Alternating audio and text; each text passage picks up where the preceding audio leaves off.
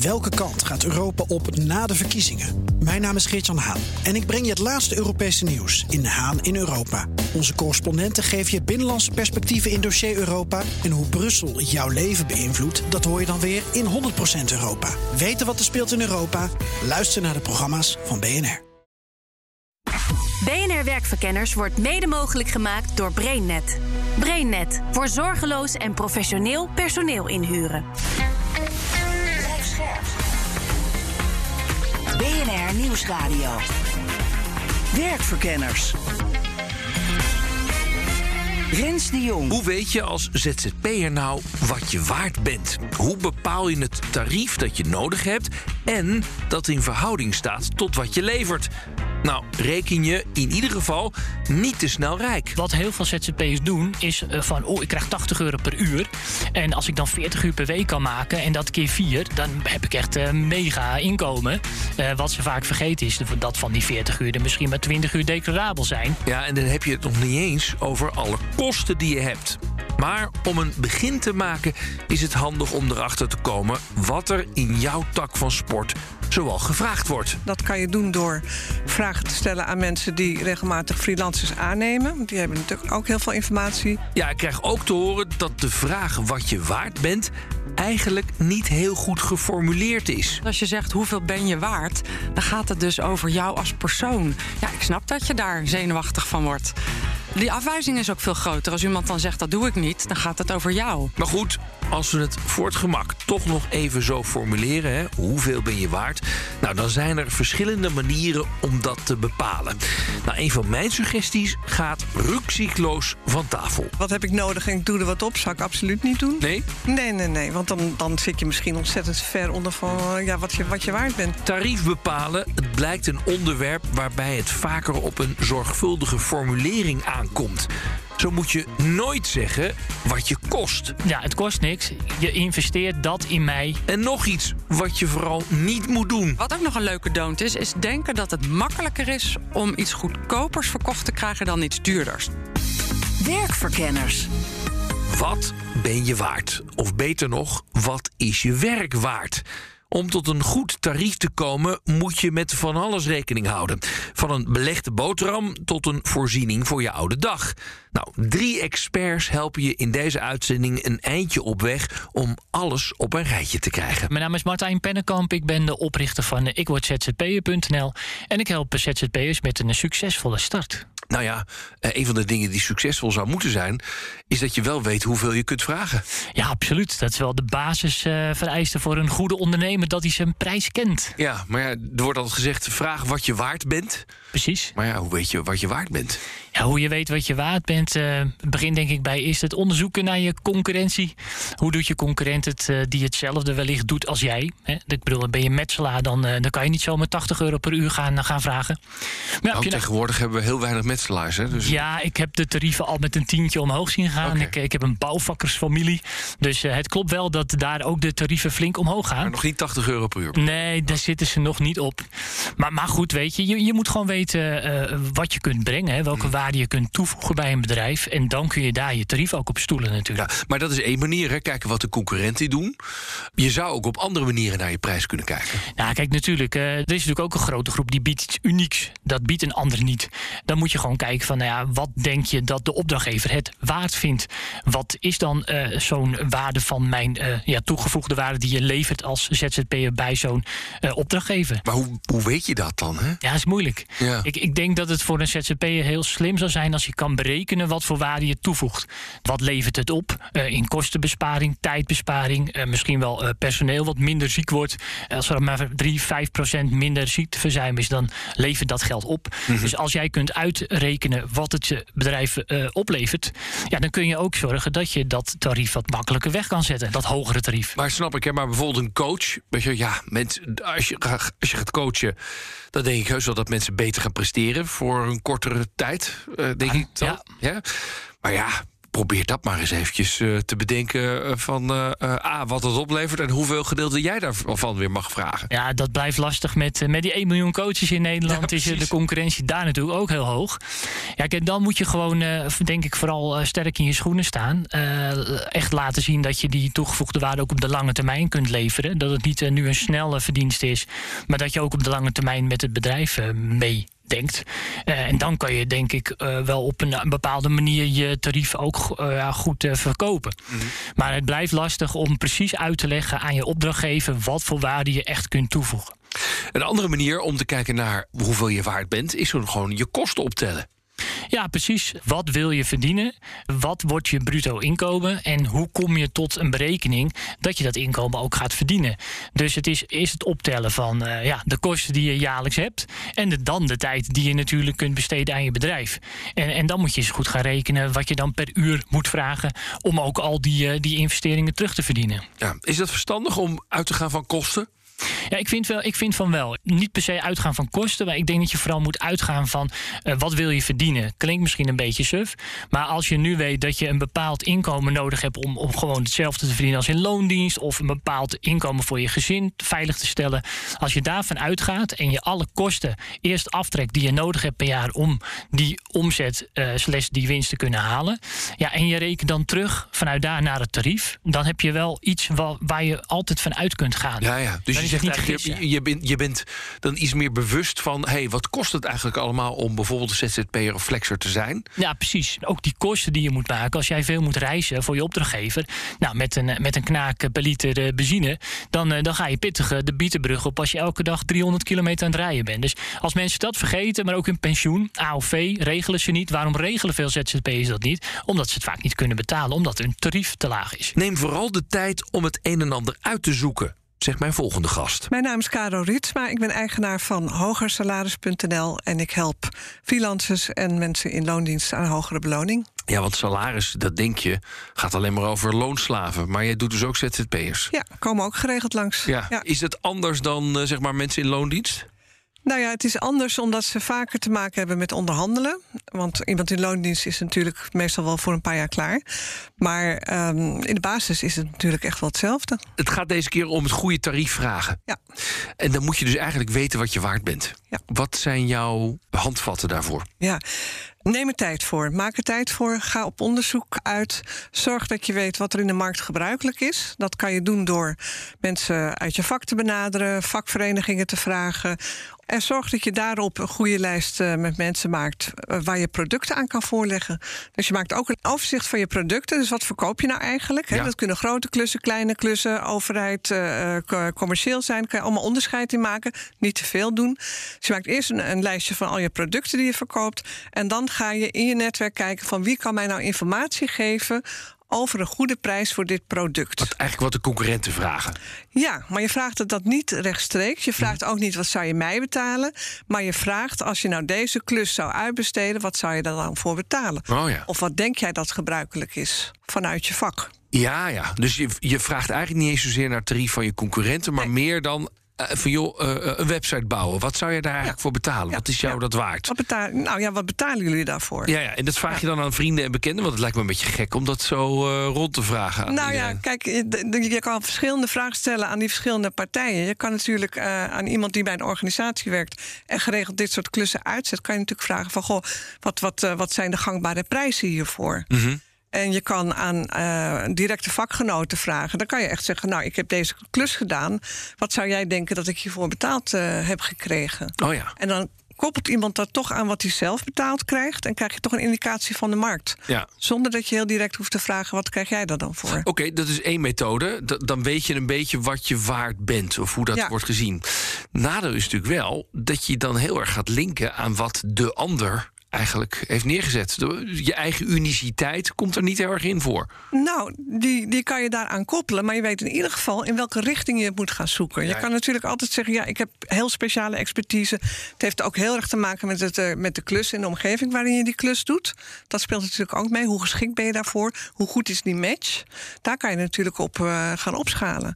Maar ergens heb je een basis nodig dat je niet helemaal in een soort zwart gat duikt van ja, ik doe maar wat en ik kijk wel of het lukt. Ja, als het wordt gezegd, dit is ons budget, doe je het ervoor? Dan zeg je, dat moet ik even goed bekijken. Ja. Want die haast van die ander, dat is natuurlijk ook, ja, het is ook een vorm van onderhandeltruc. Hè, gewoon gelijk boem eh, afmaken. Dit is wat ik ervoor heb.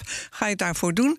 Nou, jouw haast is niet de mijne, kan je zeggen. Ja. En zij gaan toch niet meteen de volgende eh, optie bellen om te vragen of zij het wel in een eh, drie minuten kunnen zeggen. Ik heb zelf altijd drie manieren van prijs bepalen in mijn hoofd. Eén, eh, dat is gewoon kijken wat je concurrenten vragen. En dan bedenken, nou, lig ik erboven, lig ik eronder. En dan Ja. ga je met je plus en minnen.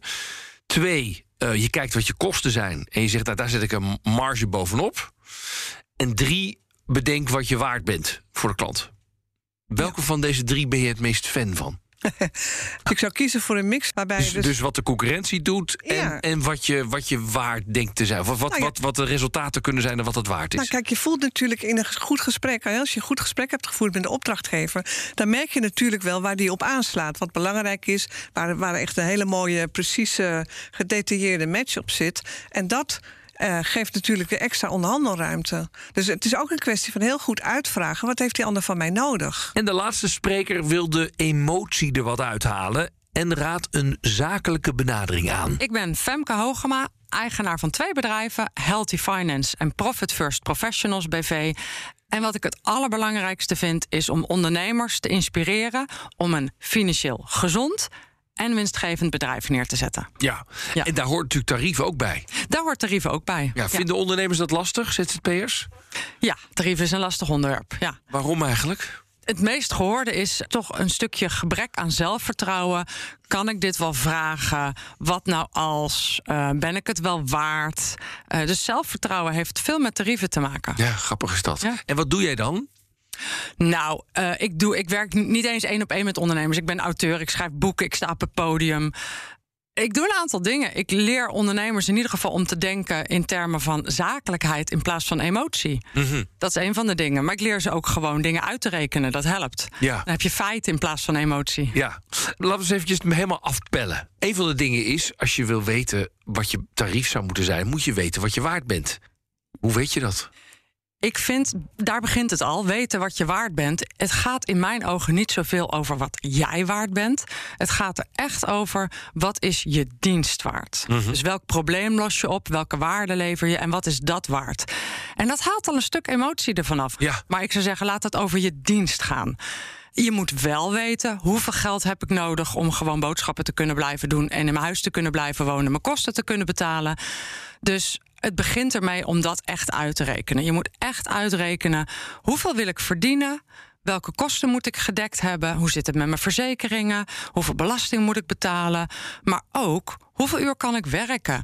Ehm, moet ik vakantiedagen opbouwen? Ik wil een buffer opbouwen voor als ik ziek word. Ehm, ik wil een buffer opbouwen voor als ik misschien een tijdje geen opdrachten heb. Ehm, ik wil mijn pensioen opbouwen. En al die dingen moeten in je tarief zitten. Ja, maar oké, dan heb je dat uitgerekend... Ja. en dan komt er al een soort basisbedrag Ja. uit. Eh, ga je vanuit dat bedrag verder rekenen? Of zeg je eigenlijk moet je dat dan gewoon weer weggooien... en weer opnieuw gaan nadenken over wat dan je tarief wordt? Ja, eh, ik denk dat ik daar een voorstander van ben. Want je weet dan wat je bottom line is. Goedkoper dan dat moet je niet worden. Want als je goedkoper dan dat wordt, moet je een ander merk pindakaas op je brood gaan smeren. En dat wil je misschien niet. Dus dat is je bottom line. En vervolgens ga je jezelf de vraag stellen: wat kost het mijn klant nou als dit probleem wat de klant heeft niet wordt opgelost? En dan ga je echt kijken naar wat het waard is om je dienst te leveren. En als ik daar een voorbeeld van noem, stel je voor dat jij bedrijven helpt om het ziekteverzuim te verlagen. En jij hebt echt een topdienst en jij kunt aantonen dat jij bij andere soortgelijke bedrijven het ziekteverzuim met 1% hebt terug kunnen dringen. En je weet wat ziekteverzuim kost, hè? dan kun je dus uitrekenen wat het waard is als jij het ziekteverzuim met 1% terugdringt. Ja, en dan, dan weet je dus ook dat je meer waard bent dan jouw uurtarief. Ja. Ik zou dat gewoon opbouwen. Je weet wat je bottom line is. En je gaat het eens even bij je eerste klus doen. En je ontdekt dat zij veel meer aan jou verdiend hebben dan dat jij aan jezelf hebt verdiend. Dus dan ga je bij de tweede klus ga je omhoog. En dan komt er een moment dat je zegt: Ja, nu, nu verdien ik gewoon het meeste van alle consultants hier in Nederland. Nou, dan ben je lekker bezig. Straks de vraag hoe je dat tarief dat je hebt bepaald ook echt krijgt. Je kan bijvoorbeeld oefenen bij een klus die je niet nodig hebt en ook niet heel graag wilt. Dan vraag je een keer een heel hoog tarief en wie weet krijg je het. Daar kan je ook heel erg van genieten. En denken van zo, die heb ik in mijn zak. Kom maar op met die klus. Rens de Jong. Maar eerst maar eens even kijken wat je vooral niet moet doen. Martijn Pennekamp van ikwordzzp'er.nl hoorde je eerder al even bezwaar maken tegen de term kosten. Je moet ook niet hebben over wa- wat je kost of wat je uurtarief is. Nee, je komt brengen, je komt eh, waarde toevoegen, je komt eh, een pijn wegnemen. Als je goed de pijn kunt wegnemen bij een opdrachtgever, dan maakt het niet uit wat je vraagt. Dan is het altijd, eh, no- het zijn het ja, automatisch bij wijze van spreken no-brainers waarom een opdrachtgever het niet zou moeten doen. Ja, want als iemand denkt, nou ja, ik investeer 100 in, eh, in Martijn en ik krijg er 300 voor terug, Precies. dan is het een no-brainer. Ja, precies. Dus niet zeggen wat je kost, maar altijd zeggen wat je oplevert.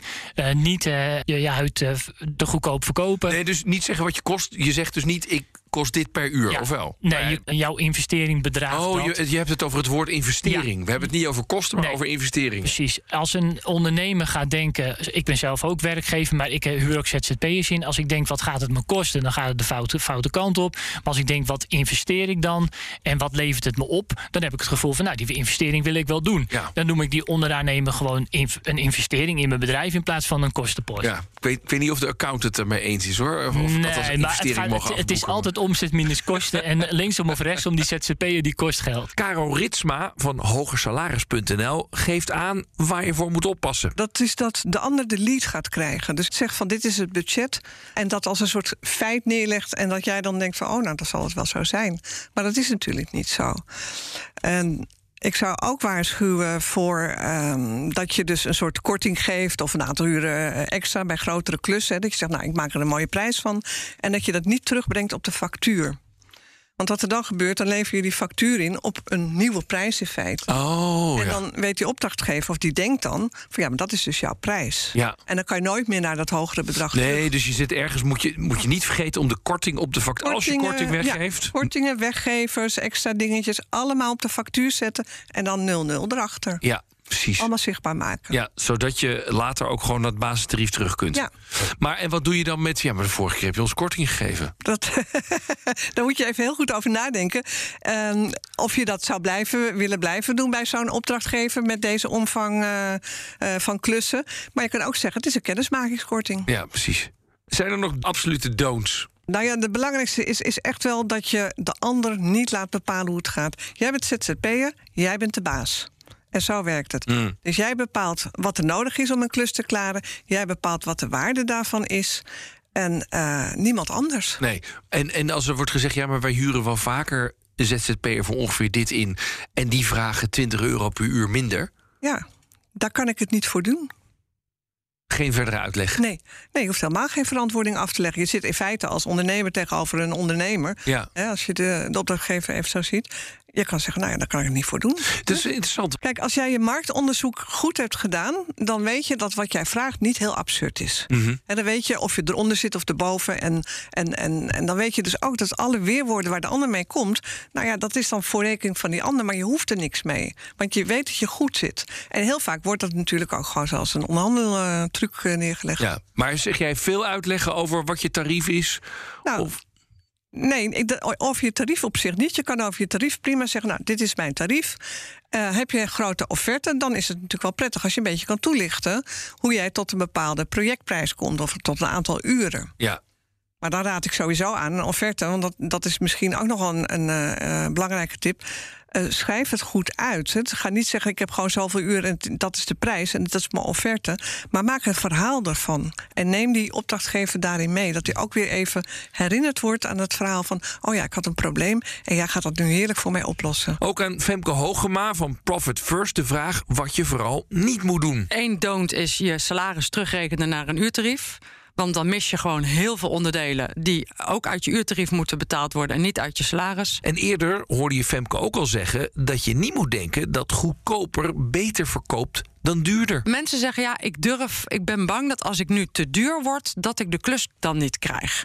Terwijl feitelijk Ehm, ik denk iedereen heeft het wel eens meegemaakt. Ik heb wel eens een kettingje gezien wat ik heel mooi vond. En toen zag ik de prijs en toen dacht ik, nou dan koop ik het niet, is te goedkoop. Kan nooit wat zijn. Mhm. Dat werkt ook met mensen zo. Als jij echt duurder bent, dan ben je waarschijnlijk beter. Dus te goedkoop worden is gewoon niet slim. Dan ben je waarschijnlijk niet goed genoeg. Moet je het uitleggen, je tarief? Nee, je moet het niet uitleggen. Je moet. Nee, vind ik niet. Oké, nee. nee, grappig. Ik vind dat je zelfverzekerd moet zijn. Dus jij moet zelf snappen waarom dit je tarief is. En dat vervolgens vanuit een soort van stevigheid op tafel kunnen leggen. Dat, dat is wel nodig. Zonder dat je dan zegt, ja, maar ik moet ook mijn Nee. dure muren betalen. En die dure pindakaas. En die pindakaas. Ja. En weet je wat mijn vrouw allemaal wil. En, Precies. eh, En we wilden ook nog op vakantie. Ja. Nee, ik vind, ik ga er zelfs nog een stapje verder in. Ik vind dat het jouw taak is om te bepalen wat jij wil verdienen. En ik vind dat het jouw taak is om dat tarief op tafel te leggen. En het is vervolgens de taak van die ander, van die potentiële opdrachtgever, om daar ja of nee op te zeggen. Ja. Maar die moet je uit elkaar halen. Je moet daar niet één grote warrige brei van maken. Wat als en als hij nu nee zegt en dan vindt hij me niet aardig. En dan heb ik kan ik volgende week geen boodschappen meer doen. Dan maak, haal je alles door elkaar. Je moet dat uit elkaar trekken. En er zit nog iets anders in wat jij zei. Eh, eh, een hogere prijs leidt niet meteen tot minder vraag. Nee, zeker niet. Ja. Nee, zeker niet. Hoe, hoe, hoe kom je op het ideale punt daar? Trial and error, Ja? zou ik willen zeggen. Ja, ik denk dat je. eh, ik, ja, je moet dus niet te hoog beginnen, want dat krijg je niet verkocht omdat je het zelf nog niet gelooft. Dus ik denk dat je het moet opbouwen. Als nooit iemand nee zegt tegen jouw tarief, ben je dus per definitie te goedkoop. Op het moment dat af en toe eens iemand nee gaat zeggen, nou, dan zit je waarschijnlijk heel mooi. Gaat iedereen nee zeggen, word je te duur. Ja, eigenlijk best simpel. hè? Dat is heel simpel. Ja, ja, ja. Oké, we weten wat we ongeveer waard zijn en we hebben gehoord wat we vooral niet moeten doen. Ja, hoe gaan we nu dat tarief ook echt krijgen? Hoe ga je ermee om als de opdrachtgever zegt dat er niet voldoende budget is voor jouw tarief? Nou, dat ligt aan de sector, zegt winstadviseur Femke Hogema. Ik denk in de branches zoals de, de verpleegkundigen en de bouwvakkers. dat er vaak wordt gezegd: dit is het tarief. En dat je dan ja, daar wel of niet akkoord mee gaat. Heb je het over de duurdere branches, de, de, de consultants, de webdesigners, de, de business coaches, nou, dat soort branches. dan ben jij degene die moet bepalen wat je tarief is. Ja. Ja. En hoe zorg je dat je in je eigen tarief gelooft? Door, door het uit te rekenen, dus te weten wat je minimaal moet hebben. Door ervaring op te bouwen. Dus door te zien dat anderen daadwerkelijk resultaat behalen door jouw werkzaamheden. Ehm, door zelfvertrouwen op te bouwen door het. Door het vaker te doen, door ook testimonials te verzamelen. En in tijden van onzekerheid nog eens testimonials terug te lezen. Van, oh wacht, dit is wat mensen over mij zeiden. Ja. Weet je, ik ben echt heel goed. Ja. Ja. Soms heb je dat wel een beetje nodig als Ja, ZZP'er, toch? Ja, ik heb een, eh, ooit een keer een geweldige eh, zinnetje via de e-mail ontvangen. Die heb ik uitgeprint en die heb ik op mijn muur geplakt. En iedere keer Wat is dat dat ik. zinnetje dan? Ehm, dat is echt een heel mooi zinnetje. Eh, dat was van Mike McCallowich, de grondlegger van Profit First. En hij mailde mij in zijn Engels, maar ik zal het even vertalen. Zelfs als je nooit meer iets zou verkopen, vinden we je top. Zo geweldig ben je. Heerlijk. Ja. Wat doe je met de boodschap? Ja, dat kunnen we niet betalen, zit niet in het budget. Als het goed is, zeg je dan oké. Dat is prima, dan eh, nemen we afscheid van elkaar. Ja. Want als het goed is, neem jij de verantwoordelijkheid om je tarief neer te leggen. Maar dat betekent ook dat je accepteert dat als de ander nee zegt, dat je dan liefdevol je schouders ophaalt. Ja. Als je dan in dikke paniek raakt, heb je iets niet goed gedaan. Want dan ben je te afhankelijk geworden van deze klus. Eh, of je bent te hoog gaan zitten. Dus als je je tarief bepaald hebt, dan moet je accepteren dat iemand nee kan zeggen tegen je tarief. En dan moet je ook weg kunnen lopen. Ja. Soms helpt het nog wel eens om iets erbij te geven wat jou niet zo heel veel kost, maar wat die anderen nog wel heel blij maakt. Nou, precies. Dus ik vind zelf eh, teruggaan in prijs vind ik niet zo handig. Want daarmee zeg je eigenlijk, ik was, ik was te, te duur. Wat je wel kunt doen, is je kunt op zoek gaan naar... kan ik nog iets geven eh, wat, wat voor mij ook waardevol is? Of kan ik iets terugkrijgen wat voor mij waardevol is? Dus dat je bijvoorbeeld zegt, nou, eh, ik kan wel... Ik verzin maar wat. De eerste dag eh, onbetaald werken. Om te laten zien dat ik hier heel goed in ben. En als het dan blijkt dat ik over drie maanden inderdaad deze resultaten heb behaald. Dan wil ik heel graag een videotestimonial. En dat je hem in contact brengt met drie soortgelijke eh, opdrachtgevers. Oh ja. die misschien ook interesse in mij hebben. Want die videotestimonial en die drie namen is misschien wel waardevoller dan één dag betaald krijgen. Vooral heel goed uitleggen waarom je vraagt wat je vraagt zegt ZZP-expert Martijn Pennekamp. Als je uh, met de opdrachtgever in onderhandeling bent en je hebt het over uiteindelijk het, hetgeen wat je gaat leveren en de, je komt tot een bepaalde tariefstelling, dan moet je heel goed uitleggen waarom jij dat bedrag per uur waard bent. Uh, daar moet je ook goed kunnen berekenen en redeneren waarom je ook uiteindelijk tot je bepaalde tarivering, je uurtarief of je projectprijs bent gekomen. Ja. En als je dat. Vind je, vind je dat serieus? Ik denk af en toe, hoe meer er uitgelegd wordt, hoe minder het merk het waard is. Laat ik zeggen, Cartier legt toch ook niet uit. Ja, maar weet je, wat je hier hebt, het is echt top of the mark, bla bla bla bla. Ja. Weet je, volgens mij in het bijna niet uitleggen, geeft ook een signaal. Ja, dat is, daar heb je helemaal een punt. Maar dan moet je eerst een merk van jezelf al hebben gemaakt. Ja, ja, okay. En ik zit voornamelijk met kerstverse starters aan tafel die onzeker zijn, zichzelf nog niet hebben geprofileerd. Dat zijn nog niet de type ondernemers waarvan je denkt, die moet ik hebben, die betaal ik gewoon zoals jij op het podium staat. Uurtje, factuurtje, wijs spreken, ik wil jou. Dat heb je niet in het begin. Dus je moet eerst je naam moet je, moet je neerzetten. En dan moet je wel, denk ik, alles uit de kast halen om te laten zien dat je het waard bent. En hoe, hoe leg je dat uit? Leg je dat uit aan nou, niet aan de hand van de kosten die jij maakt, maar wat de resultaten zijn van jouw werk, toch? Ja, uiteindelijk wel. Je kunt alles wel naar resultaat brengen. Uh, ik bedoel, uh, een medewerker die je weer op het spoor helpt als coach. Uh, een verandermanager die zorgt dat een bepaalde verandering een synergie of een kostenbesparing gaat opleveren. Kijk, de KLM-directie krijgt ook niet voor niks miljoenen en miljoenen terwijl er dikke verliezen worden gemaakt. Want waarschijnlijk zonder die KLM-manager waren er hogere verliezen geweest. Mm -hmm. Dus als je alles kan beperken, in ieder geval uit kunt leggen van nou, waar je dan op wil doelen, dan kun je altijd dat tarief wel uh, verkopen. Onderhandeladviseur Karel Ritsma hoorde je eerder al even aangeven dat je, als je het je kunt veroorloven, gewoon maar eens moet experimenteren. Als je een keer een klus aangeboden krijgt en je hebt het niet echt nodig, ik vind het eigenlijk ook niet zo heel erg leuk om te doen, vraag een hele hoge prijs. Verdubbel je prijs. Ja, maar zul je zien dat je hem krijgt. Ja, dan krijg je hem. Maar dan zie ik je wel heel vrolijk te werken natuurlijk. Ja, dat is waar. Maar het is toch een beetje levertraan dan. Hè? Dan heb je een klus die, die je geen zin in hebt, maar moet je dat tegen goudgerald tarief wel gaan doen? Nou ja, oké. Okay. Het geeft een heel groot gevoel van waarde en triomf als het dan lukt. En je hoorde Karel ook al zeggen dat het heel belangrijk is om de opdrachtgever erop te wijzen dat je een probleem van hem of haar gaat oplossen. Zodra het over geld gaat, vernauwt het zich tot geld. En dan vergeet je opdrachten helemaal, want die denkt, ja, het probleem wordt nu opgelost. Dat is geregeld voor mij. Ja. Maar nu wil ik eigenlijk gewoon zo weinig mogelijk betalen, bij wijze van spreken. Dus nu hangt me alleen nog maar daarmee bezig. En dan is het aan jou om dat weer op te rekken en het perspectief te verbreden. Maar kijk ook even verder, opdrachtgever, want daar ligt de grote oplossing van jouw probleem. En die kan ik jou brengen voor deze prijs. Heerlijk. Ik vind het zo leuk altijd om met jou te zitten en denk ja, we gaan weer onderhandelen. Ja, ik doe heb dat mensen, in. ja. Ja, jij zegt dus eigenlijk onderhandelen, dat is gewoon een onderdeel van het ZZP zijn. Dat moet je onder de knie gaan krijgen. Ja. Ja. Ja, je bespaart jezelf heel veel vervelende momenten daarmee. Ja. Laatste ding wat ik nog wel heb, laat ik zo zeggen, ik ben zelf ook ZZP'er. En als mensen echt met mij in debat gaan over het tarief, dan kan ik zelf ook nog wel een beetje op mijn hartje getrapt worden. Dan kan ik echt een beetje emotioneel raken. De, en terwijl ik dat helemaal niet wil. Want je zegt, ja, joh, dit is het tarief. Ja, het is een beetje take it or leave it, weet je, maar ik wil dat ook niet zo hard zeggen. En dan krijg je dus van, ja, maar jeetje, zeg maar. Nou, en dan raak, kan ik nog eens een beetje bozig raken. ja.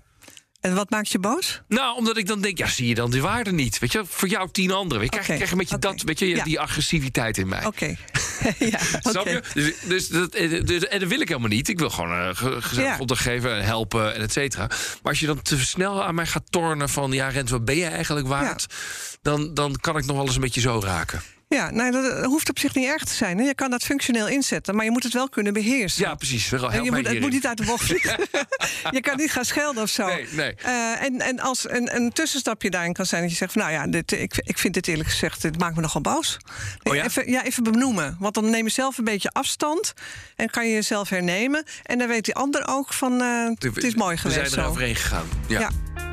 Conclusie van deze uitzending. Om te weten wat jouw werk waard is, moet je goed onderzoek doen. Wat is gebruikelijk in jouw vakgebied? Wat heb je nodig om te leven? Wat zijn je kosten? Wat heb je nodig voor belasting, verzekeringen en pensioen?